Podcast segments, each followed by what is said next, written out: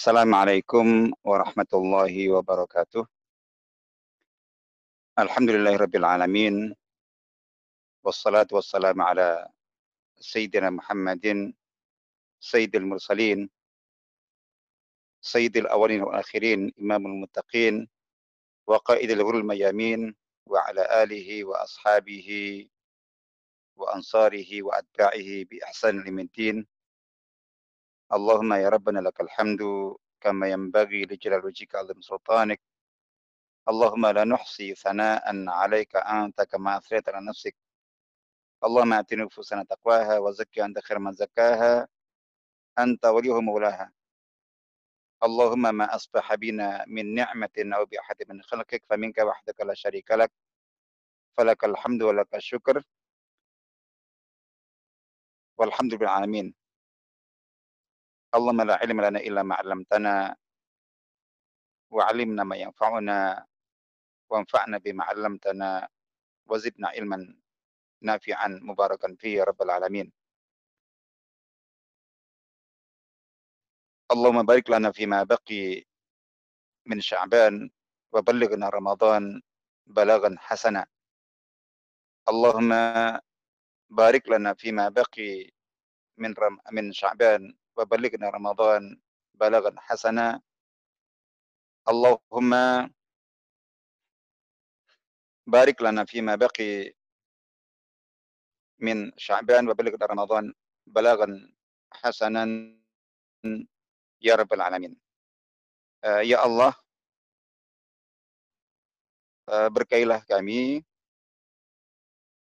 uh, di hari-hari yang tersisa dari bulan Sya'ban ini dan sampaikanlah kami untuk bisa berjumpa, untuk bisa bertemu dengan bulan Ramadan uh, tahun ini dengan cara pertemuan yang baik atau yang sebaik-baiknya.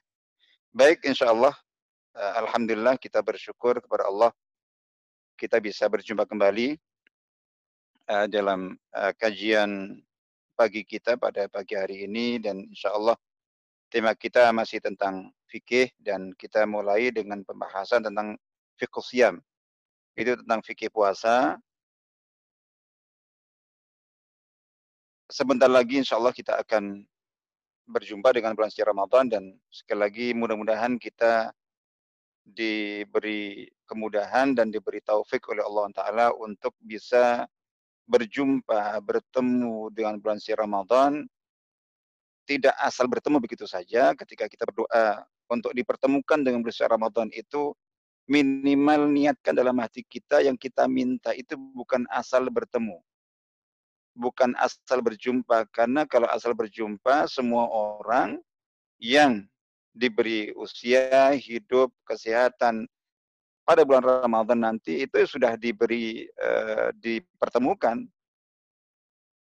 Tapi uh, banyak di antara mereka yang pertemuannya dengan Ramadan itu pertemuan yang tidak baik, yang buruk sekali. Nah, yang kita minta dipertemukan dengan cara pertemuan yang sebaik-baiknya sekaligus mari kita menata hati kita dan membangun azam ya tekad dalam dalam apa dalam uh, jiwa kita untuk ya untuk uh, apa untuk menjadikan tentu dengan bermohon taufik kepada Allah Ta'ala untuk menjadikan Ramadan tahun ini nanti uh, meskipun dalam kondisi yang khusus saat ini tapi tetap Ramadan tahun ini dijadikan oleh Allah Ta'ala bagi kita sebagai Ramadan terspesial, teristimewa. Lebih spesial dan lebih istimewa daripada Ramadan-Ramadan sebelumnya. Baik, nah ini dalam rangka untuk membekali diri dalam rangka memberikan diri menyongsong dan menyambut Ramadan, insya Allah kita ngaji lagi tentang fikih puasa.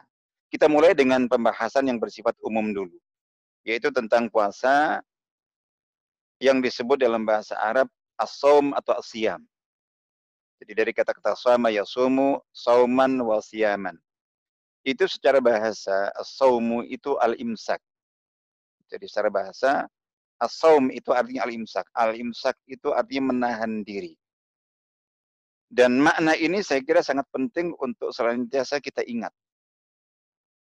Jadi kita eee, dalam rangka untuk memenuhi kewajiban-kewajiban agama seperti sholat, zakat, puasa, haji, dan lain sebagainya, itu, kan setiap istilah itu ada dua sisi kan maknanya, ada sisi mafhum atau makna lughawi, arti etimologis, arti bahasa, asal bahasanya seperti apa, yang kedua adalah istilah, eee, dengan mafhum syar'inya, istilahi, yaitu dengan pengertian, eee, terminologi dalam syar'i. Nah, dua-duanya penting kita perhatikan.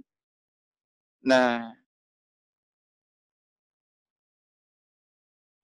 Makna bahasa itu tetap kita penting, eee, tetap kita apa, tetap kita butuhkan untuk kita ingat selalu karena, eee eee, tidak jarang kita dapati dalam pelaksanaan ibadah-ibadah itu dengan kita mengingat ya, mengingat arti bahasa itu kita akan justru bisa melaksanakan ibadah itu secara lebih esensial, secara lebih substansial. Karena makna bahasa itu itu mengarahkan kita kepada hakikat. Sementara makna istilahi, perhatikan ya, makna syar'i, makna secara terminologi syar'i itu, itu rata-rata itu tertuju kepada aspek, eee, aspek apa ya, aspek formalitasnya. Artinya itu kan rata-rata ke tertuju ke arti arti fikih kan.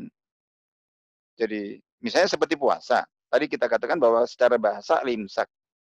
Tapi secara istilah itu adalah al-imsak, 'anil mufattirat min thulu'il fajri ila ghurubis syamsi biniyatil ibadah. Jadi secara bahasa as-shaum atau as-siyam itu al-imsak menahan diri.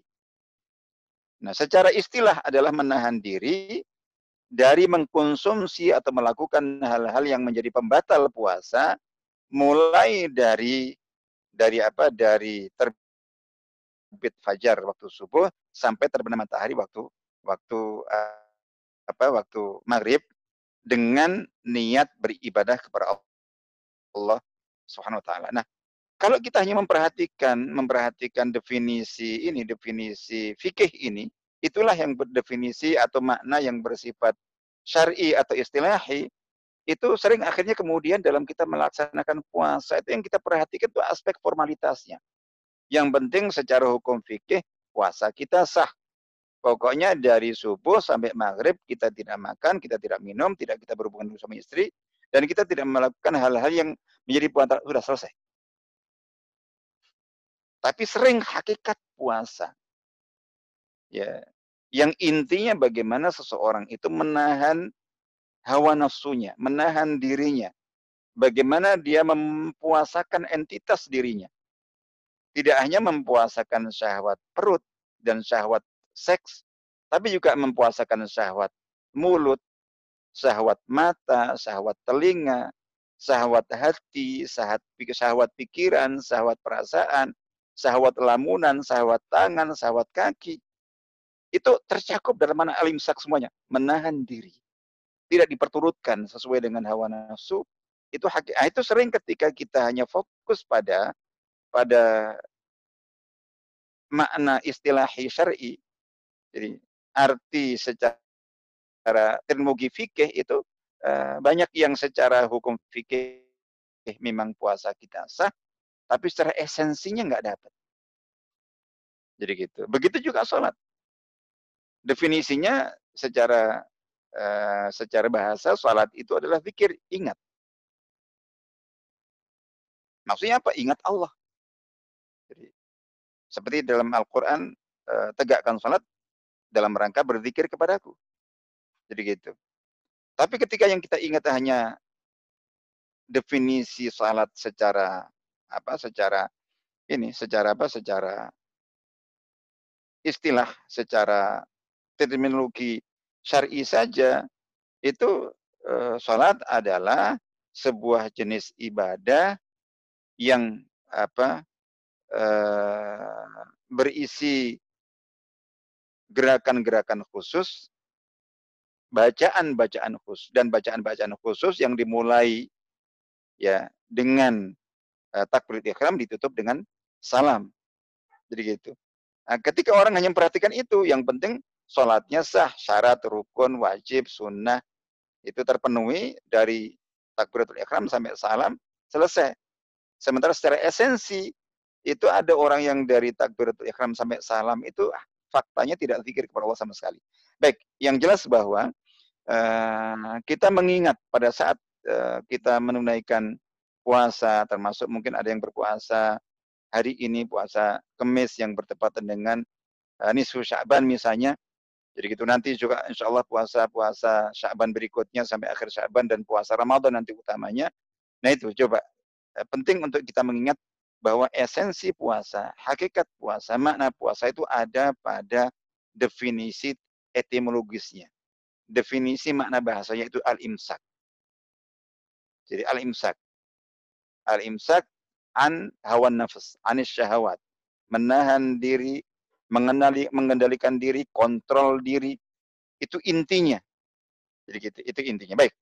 E, jadi itu, tapi kita karena kita bicara dalam konteks fikih, maka yang kita bahas juga banyak aspek yang bersifat uh, yang berhubungan dengan fikih.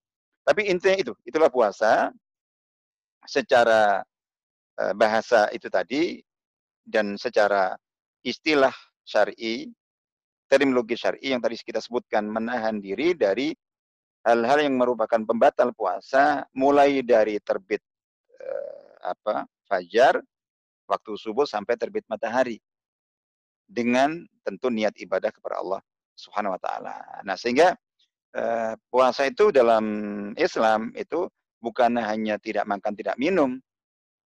Jadi gitu. Kalau tidak makan tidak minumnya itu malam hari bukan puasa. Jadi ada orang yang mau apa ya mau e, melakukan tindakan medis tertentu, misalnya operasi atau apa, biasanya diharuskan atau e, pemeriksaan-pemeriksaan tertentu puasa. Tolong mulai puasanya mulai jam satu malam, jam 12 karena perlu puasa sekian jam. Itu puasa medis. Jadi gitu, tapi bukan puasa syar'i. Jadi jadi begitu. Begitu juga misalnya oh e, puasanya tidak ngomong, tidak bicara. Itu bukan puasa secara syar'i dalam Islam atau puasa mutih tidak makan eh, apa itu mungkin nggak tahu puasa mutih tidak makan nasi putih kayak gitu. Ya, itu bukan puasa yang syar'i sifatnya. Jadi meskipun orang mengatakannya puasa, udah saya puasa komen, ya kita ini saya puasa sosmed, ya itu itu ungkapan bahasa tapi eh, itu bukan merupakan puasa syar'i. Puasa syar'i di dalam Islam hanya seperti yang tadi kita sebutkan, ya, yaitu seseorang dengan niat ibadah itu eh, sengaja menghindari dari hal-hal yang merupakan pembatal puasa, waktunya, timingnya mulai dari terbit fajar sampai eh, terbenam matahari. Insya Allah itu. Nah, ini adalah salah satu bentuk ibadah yang sangat spesial ketika kita bicara tentang uh, puasa, tentu dia memiliki nilai ya, uh, nilai keutamaan yang yang banyak. Ada yang sifatnya umum, ada yang sifatnya khusus. Kalau yang umum itu adalah sebagaimana ya ibadah-ibadah yang lainnya. Intinya adalah bahwa uh, dia merupakan sarana pertama sarana ibadah kepada Allah Taala. Sebagaimana salat, sebagaimana zakat, sebagaimana haji, sebagaimana tilawah Al-Quran, sebagaimana zikir dan seterusnya. Jadi sarana e, ibadah kepada Allah Ta'ala. Pembuktian ikrar kita setiap hari. Kita kan setiap hari mengikrarkan iya karena abudu wa iya karena sa'in. Hanya kepada engkau saja ya Allah kami beribadah. Dan hanya kepada engkau ya Allah kami mohon pertolongan. Nah, iya karena abudu itu harus dibuktikan. Nah, salah satu pembuktinya adalah uh, dengan kita berpuasa sebagaimana juga salat yang lainnya. Jadi itu salah satu sarana terbaik untuk kita membuktikan uh, sikap ubudiyah kita kepada Allah Ta'ala bahwa kita adalah hamba Allah, kita menghamba kepada Allah salah satunya dengan cara puasa. Uh, ini sarana untuk menambah keimanan tentunya. Sarana untuk kita membuktikan bahwa uh, kita adalah orang yang beriman, orang yang taat. Tentu dengan fadilah yang seperti berarti itu adalah perwujudan ketakwaan dan ayatnya seperti dalam surat At-Talaq itu wa may yattaqillaha yaj'al lahu makhraja wa min haitsu la yahtasib.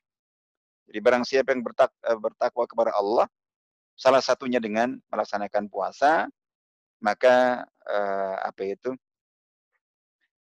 Allah akan memberikan jalan keluar, kemudahan bagi semua urusan dan masalahnya dan apa itu uh, Allah akan memberinya rezeki yang tidak disangka-sangka. Artinya bahwa dan berbagai bahwa uh, apa itu dengan kita beribadah, dengan kita bertakwa termasuk puasa itu maka urusan kita akan dipermudah.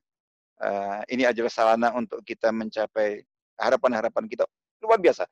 Intinya adalah itu ini merupakan fadilah keutamaan umum.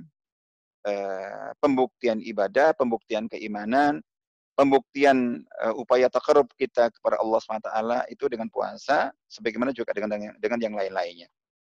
Nah, yang spesial itu adalah seperti yang disebutkan di dalam di dalam hadis qudsi. Uh, sahih di mana uh, Rasulullah SAW baginda Rasulullah SAW bersabda meriwayatkan dari Tuhannya dari Allah Taala Allah Taala berfirman kullu amal ibni Adam lahu illa siyam. Jadi setiap atau semua amal anak cucu Adam itu untuknya. Artinya akan dicatatkan untuknya di buku catatan amalnya sesuai dengan kaidah dan rumus pencatatan amal yang dilakukan oleh para malaikat atau atau malaikat pencatat amal. Uh, malaikat yang mencatat amal itu punya rumus, punya kaidah. Amal satu dicatat pahalanya misalnya 10. Amal satu dicatat pahalanya 30, 70, 100, sampai 700. Itu ada kaidah begitu. Nah, semua amal itu seperti itu kaidahnya. Diserahkan kepada malaikat untuk mencatatnya dalam buku catatan amal mengikuti rumus baku yang sudah sudah diberikan Allah kepada mereka. Nah, dalam hadis kudsi ini Allah mengatakan semua amal itu seperti itu kaidahnya dan rumusnya illa siyam. Kecuali puasa. Puasa itu spesial, istimewa. Jadi pencatatan pahalanya, penetapan pahalanya tidak diserahkan kepada malaikat. Tidak mengikuti rumus yang tadi kita sebutkan. Eh, bagaimana? Itu Allah Ta'ala firmankan, li wa ana azibi. Jadi karena puasa itu diniatkan dilakukan oleh seorang hamba untukku, maka aku sendiri yang akan uh, memberikan balasan untuknya. Nah, kalau sudah Allah yang langsung memberikannya, sudah jangan tanya. Itu lipatannya berapa kali udah. Jadi karena Allah itu Ar-Rahman, Ar-Rahim, Al-Karim, Allah itu Maha penyayang, Maha pengasih, penuh rahmat, penuh kasih sayang, Maha mulia, Maha pemurah. Udah, kalau sudah Allah uh, jangan uh, apa itu uh, khawatir. Jadi seperti itu intinya.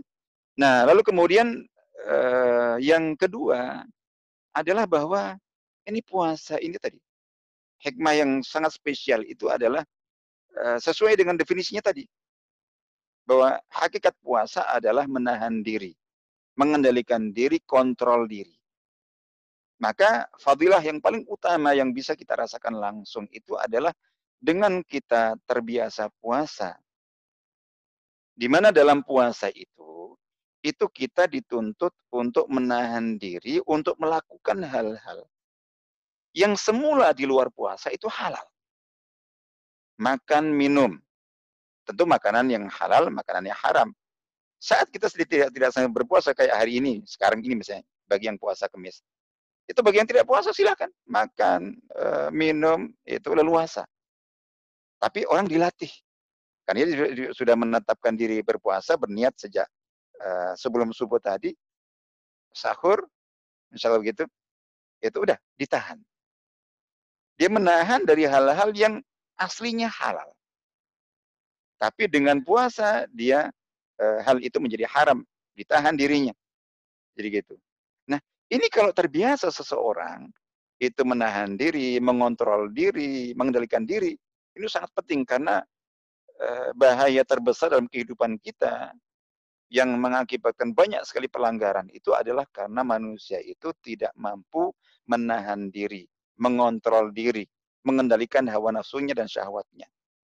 Nah itu dengan puasa kalau kita terlatih itu insya Allah kalau kita itu mampu mengendalikan diri, mampu mengontrol diri, mau mampu menahan diri dari hal-hal yang semula halal saja, maka harapannya adalah kita akhirnya terbiasa dan lebih mudah untuk menahan diri, mengontrol diri, mengendalikan diri itu untuk tidak memperturutkan hawa nafsu dalam melakukan hal-hal yang justru memang dilarang. Nah, itu itu apa eh, fadilah spesial dan tentu banyak lagi fadilah-fadilah yang lainnya insya Allah Nah, selanjutnya uh, insya Allah tidak banyak kita uh, ringkas saja terkait dengan anwa usia, macam-macam puasa. Macam-macam puasa ini itu ditentukan oleh macam-macam hukumnya. Jadi kita bicara apa sih ada macam-macam puasa semuanya. Jadi gitu. Itu macam-macam puasa maksudnya adalah eh, macam-macam hukum puasa. Itu ada empat macam hukum puasa. Jadi secara umum itu sesuai dengan uh, hukum fikih yang kita kenal. Di hukum fikih yang kita kenal kan ada lima, tapi untuk puasa, sebagaimana juga ibadah-ibadah yang lainnya itu hanya empat. Jadi gitu, hanya empat. Jadi uh, ada puasa wajib, ada puasa sunnah atau mandub atau mustahab, ada puasa makruh, ada puasa haram, lawannya. Jadi di satu sisi eh, puasa ada puasa wajib, ada puasa sunnah atau mustahab atau mandub. Lawannya itu ada puasa haram, ada puasa makruh. Ini empat hukum fikih yang kita kenal. Nah, ada satu yang eh, belum kita sebutkan eh, di antara lima hukum fikih adalah ibahah, mubah. Nah, apa tidak ada puasa mubah? Tidak ada. Jadi kalau yang namanya ibadah ya ritual itu tidak ada yang namanya hukum mubah. Jadi ibadah ritual itu tidak ada hukum mubah. Yang yang ada imam wajib atau sunnah, kalau tidak ya berarti makruh atau haram. Jadi tidak ada karena yang namanya ibadah itu ya eh, apa itu imma ini dilakukan berpahala atau eh, kalau tidak berarti bisa bisa bisa apa bisa dosa. Jadi Sementara hukum mubah itu untuk hal-hal yang merupakan uh, kebiasaan dalam hidup bukan termasuk jenis ibadah. Jadi tidak ada sholat mubah, tidak ada apa misalnya kok uh, apa itu apa istilahnya itu jadi infak sedekah mubah, zakat mubah, haji umrah mubah nggak ada. Jadi kalau memang disyariatkan itu minimal sunnah, jadi atau bahkan wajib. Uh, kalau tidak disyariatkan ya masuk ke hukum imam makruh eh, haram atau bahkan bid'ah. Insya Allah begitu. Nah, untuk puasa wajib ini yang paling utama adalah puasa Ramadan. Puasa wajib yang paling utama nanti kita akan bahas secara khusus. Nah, yang kedua adalah eh, puasa yang kedua adalah puasa apa itu kafarat. Jadi ada kafarat sumpah, ada sumpah dilanggar kafarat. Ada uh, apa itu mungkin kafarat ada banyak pelanggaran. Jadi pelanggaran ada orang yang yang melanggar dengan melakukan hubungan suami istri di siang hari bulan Ramadan. Salah satu kafaratnya adalah berpuasa dua hari berturut-turut. Jadi gitu. Uh, dua bulan, dua bulan berturut-turut. Jadi Eh, dan ada banyak, banyak yang, yang lain yang lainnya. Jadi ada beberapa tebusan ya. Jadi tebusan dari pelanggaran pengganti itu itu berupa puasa. Itu berupa puasa. E, terus kemudian yang ketiga itu puasa nazar. Ini wajib orang ya tadinya seperti puasa Senin, Kamis, atau puasa hari kapan pun itu sifatnya sunnah saja. Inna imma sunnah mu'akada atau gair mu'akada. Aslinya begitu. Tapi ketika seseorang menazarkan, kalau saya lulus, maka saya akan puasa. Senin Kemis selama tiga bulan berturut-turut. Kalau saya berhasil, kalau saya diterima dalam lamaran pekerjaan, nah itu dengan apa yang diucapkan itu dinazarkan, maka yang semula hukumnya sunnah itu itu menjadi wajib. Bahkan yang semula mubah. Itu mubah itu dengan nazar bisa menjadi wajib, insya Allah begitu. Baik, yang kedua adalah puasa sunnah. Puasa sunnah ini ada sunnah sifatnya mutlak, ada muqayyad, kayak salat. ada salat uh, mutlak, itu salat kapan saja di luar waktu yang dilarangkan uh, salat, itu dua rakaat. Mau orang saya sekarang, saya mau puasa, eh, mau salat silakan dua rakaat. Mau salat eh, puasa lagi, salat lagi dua rakaat. Puasa, oh sampai mungkin dari sekarang sampai zuhur. Jadi itu nggak tahu sudah berapa ratus rakaat bisa gitu kalau pendek-pendek. Itu setelah zuhur, uh masih seharian ingin pokoknya ingin sholat. Jadi selain sholat fardu, selain sholat uh, duha misalnya gitu, udah sedang sholat uh, itu sholat mutlak. Puasa mutlak juga begitu. Nabi biasa, jadi hari bahwa uh, di hari Selasa misalnya di hari Rabu, kalau Senin Kamis beliau puasa. Uh, kali itu puasa muqayyad yang tertentu khusus sifatnya. Yaitu ani bawa puasa Senin, Kamis, puasa uh, apa itu hari Arafah, puasa Ashura, puasa uh, Ayamul Bid. Itu puasa-puasa yang ditentukan secara khusus. Jadi gitu. Tapi puasa mutlak itu puasa di hari-hari yang tidak dilarang puasa, yang tidak ada uh, ketentuan khususnya di sana.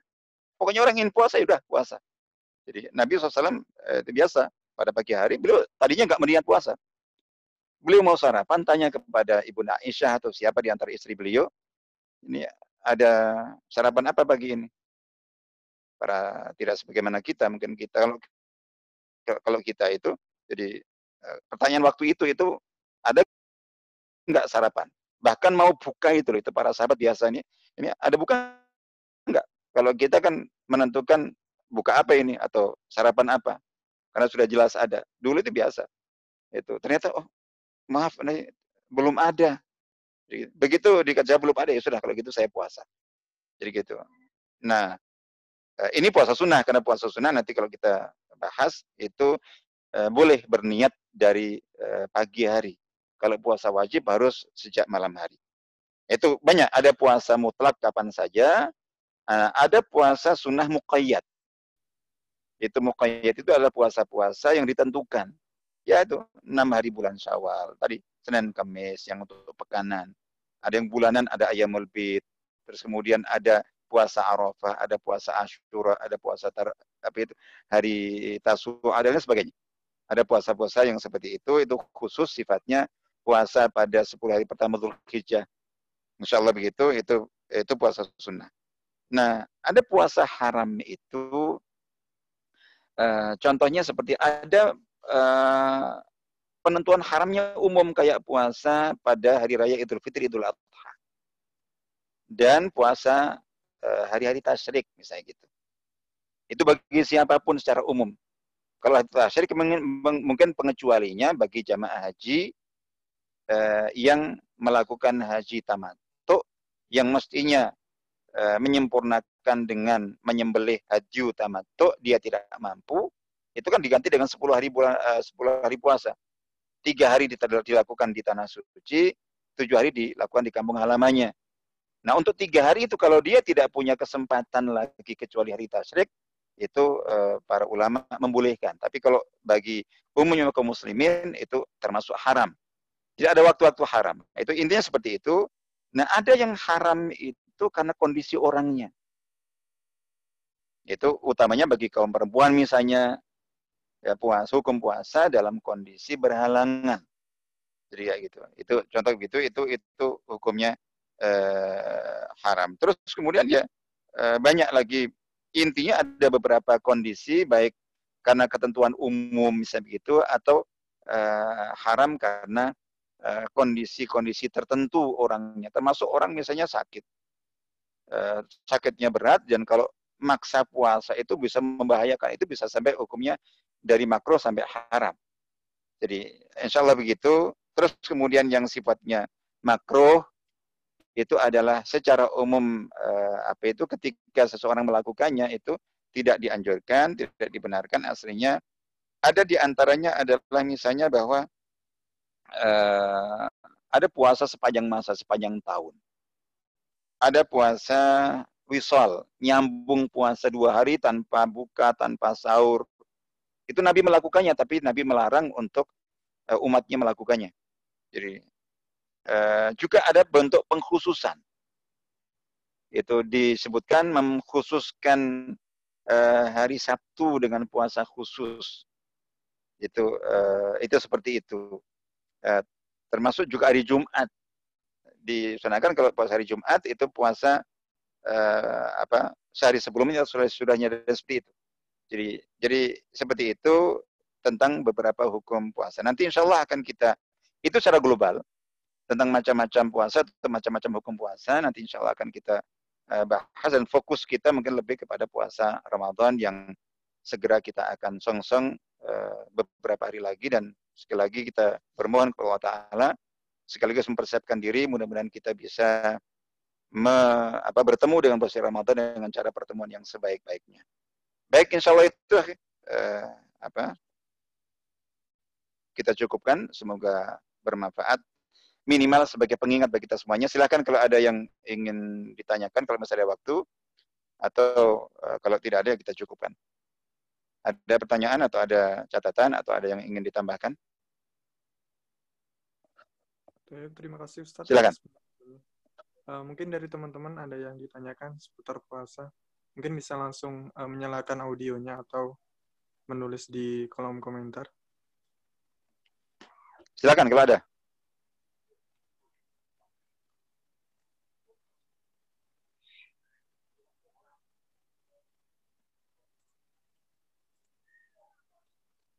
Tidak ada kayaknya. Barangkali ya, kalau tidak ada kita cukupkan. Uh, ya, gimana? Ada. Mungkin mungkin uh, tips tips dan trik dari Ustadz bagaimana kita uh, meraih amalan yang penuh di bulan Ramadan kali ini yang sekarang dengan situasi yang berbeda dan juga kondisi yang berbeda yang berbeda Ustadz. Nah tentunya itu membuat uh, diri kita di rumah aja itu kan uh, agak terpacu untuk kayak bermalas-malasan dan lain-lain Ustaz. Terus kayak beriktikaf, terus berolahraga di kondisi yang saat ini kan agak tidak memungkinkan kayak gitu Ustaz. Mungkin ada tips dan uh, cara agar kita masih bisa maksimal di kondisi corona saat ini Ustaz. Iya, jadi eh, saya kira secara umum ini mungkin sudah kita sampaikan pada saat kita membahas tempo hari tentang uh, menyambut Ramadan atau Ramadan yang kita rindu ya, ya secara umum ya. Uh, tapi sedikit sebagai apa pengingat untuk saya ulang, yang terpenting itu adalah persiapan diri kita saat ini. Jadi artinya uh, persiapan diri kita. Artinya bahwa uh, terlepas, jangan jangan bayangkan dengan kondisi. Jadi kita harus paham bahwa keistimewaan dan keutamaan bulan Ramadan itu itu terletak pada ruang waktunya. Perhatikan. Jangan bicara dulu tentang tentang uh, tentang bentuk amal tertentu. Kecuali yang paling utama tentu puasa, itu jelas. Tapi untuk yang lain-lainnya itu itu jangan kita fokus ke sana dulu. Jadi jangan oh Ramadan adalah masjid. Ramadan adalah tarwah eh, berjamaah di masjid. Ramadan adalah buka bersama di masjid. Ramadan adalah iktikaf. Tidak, Ramadan adalah ini waktu. Yang istimewa itu waktunya. Di mana detik-detiknya, menit-menitnya, jam-jamnya, hari dan dan uh, siang serta malamnya itulah yang super istimewa. Di mana amal apa pun jadi di samping puasa, sholat, amal apa pun yang kita lakukan, ambil sebagai contoh. Jadi itu satu menit yang kita kita melakukan sholat atau zikir, baca Quran di menit terakhir bulan Syaban. Misalnya, dengan kualitas yang sama, dengan keimanan yang sama, misalnya gitu. Nah, menit terakhir anggaplah misalnya gitu Syaban juga juga termasuk bulan mulia. Itu pahalanya e, dari lipat 10 menjadi lipat 30. Nah, begitu kita masuk kita ambil contoh misalnya. Itu kita masuk. Masuk ke menit yang termasuk menitnya Ramadan. Amal yang sama persis dan kualitas yang sama persis. Yang waktu kita lakukan di bulan Syaban, atau bulan Rajab dan lain-lain, itu nilai pahalanya 30. Itu begitu kita lakukan di menit yang sama di bulan Ramadan, langsung nilainya melonjak. Menjadi 300, mungkin menjadi 3000. Jadi itu. Bahkan tidak terbatas. Nah, silahkan pahami itu. Sehingga ketika kita menyusul Ramadan, jangan langsung kaitkan dengan dengan tempat, dengan bentuk tertentu ini itu. Tidak. Ini adalah yang istimewa itu waktunya. Termasuk nanti Lailatul Qadar itu, itu bukan bentuk apa yang kita lakukan. Itu waktu. Malam hari mulai dari maghrib sampai subuh. Hatta matla'il fajar. Di mana siapa pun, jadi di mana pun tepatnya di Masjidil Haram, di Masjid Nabawi, di Masjid Al-Akbar Surabaya, di Masjid Ampel, di mana pun, di Al-Falah, di Mujahidin, di Masjid Al-Irsyad, di masjid mana pun. Atau di pos gardunya karena dia satpam. Atau mungkin di pabriknya karena dia sedang sedang kerja di pabrik. Tapi di detik-detik Lailatul Qadar itu, menit-menitnya, jam-jamnya, itu diisi dengan ibadah. Misalnya, yang tidak mampu iktikaf dengan zikir, tilawah Al-Quran, murojaah, atau apa pun. Tafakur, ingat Allah Ta'ala. Itu dia dapat. Bisa jadi ada orang yang yang apa ya, yang memanfaatkan waktu detik menit jamnya di malam Lailatul Qadar itu di gardu penjagaan uh, satpamnya itu dapat Lailatul Qadar lebih baik daripada yang itikaf di Masjidil Haram barangkali. Sementara dia tidak optimal memanfaatkan waktu. Jadi seperti itu. Nah, ini perlu kita pahami. Intinya adalah kita sedang uh, menyambut bulan Ramadan itu, itu ini adalah waktu. Jadi waktu di mana sebulan penuh ini Masya Allah. Ini ruang waktu yang luar biasa, sehingga yang kita pikirkan bagaimana nanti itu tidak ada satu hari pun, satu siang pun, satu malam pun, satu jam pun, satu menit pun, kalau bisa satu detik pun, yang terlewatkan sia-sia tanpa uh, tanpa ibadah apa pun. Itu fokus kita di situ. Nah, kalau kita paham itu, akhirnya tidak akan masalah kondisi apa pun itu, artinya yang tidak bisa kita lakukan di uh, masjid bisa kita lakukan di rumah. Apa kekurang? Nah, di sini yang tadi yang sudah pernah saya sampaikan, artinya bahwa uh, kiatnya agar supaya pada saat kondisi uzur, kondisi keterbatasan, kondisi di mana kita terhalang untuk melakukan amal-amal tertentu, jadi eh, apa kita mestinya iktikaf. Sholat tarawih di masjid tidak bisa sehingga di rumah. Bagaimana pahala iktikaf tetap bisa kita dapatkan? Pahala sholat tarawih di masjid tetap kita dapatkan. Pahala apa pun bisa kita dapatkan yang sudah saya, eh, kita bahas waktu itu, itu uh, intinya ada di dua hal. Pertama adalah kita menjaga keistiqomahan niat. Bahwa hati kita tetap meniatkan. Seandainya bukan karena uzur kondisi ini, saya insya Allah uh, iktikaf.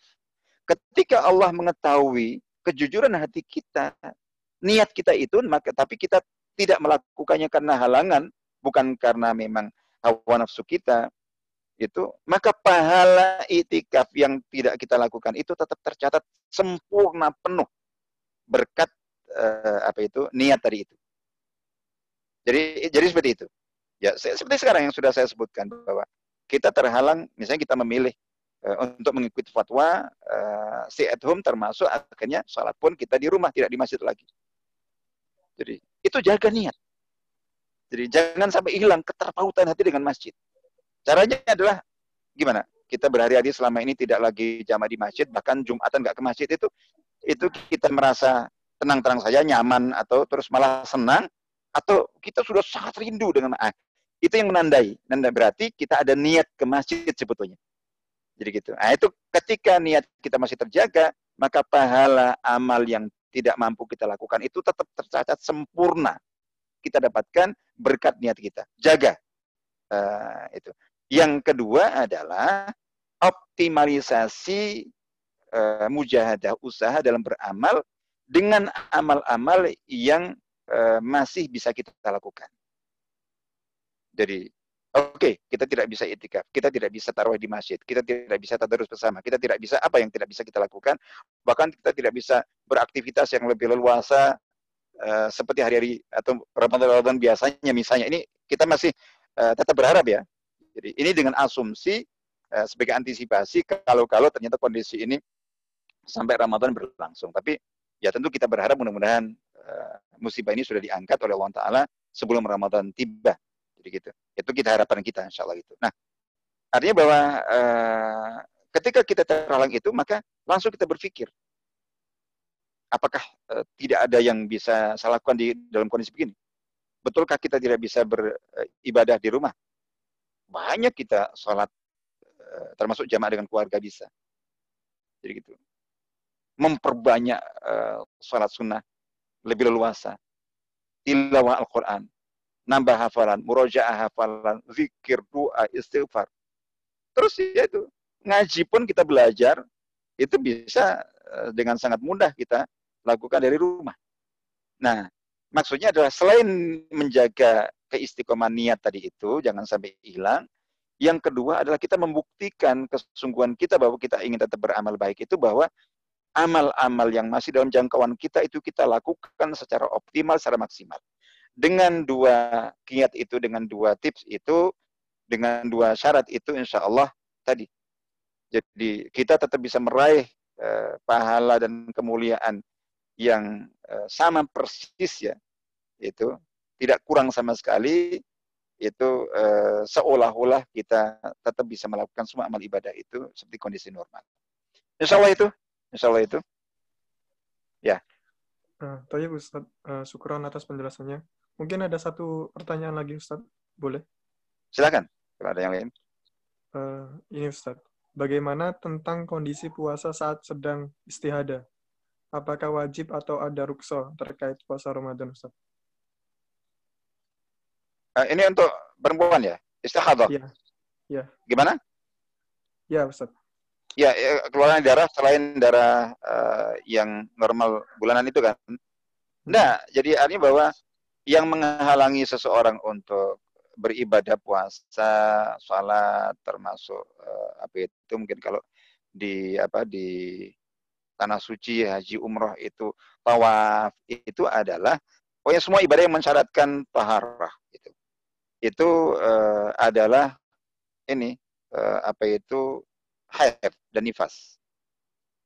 Jadi uh, haid dan nifas. Tapi uh, untuk istihadah tidak meskipun ada darah, tapi itu secara hukum fikihnya itu seperti hukum suci.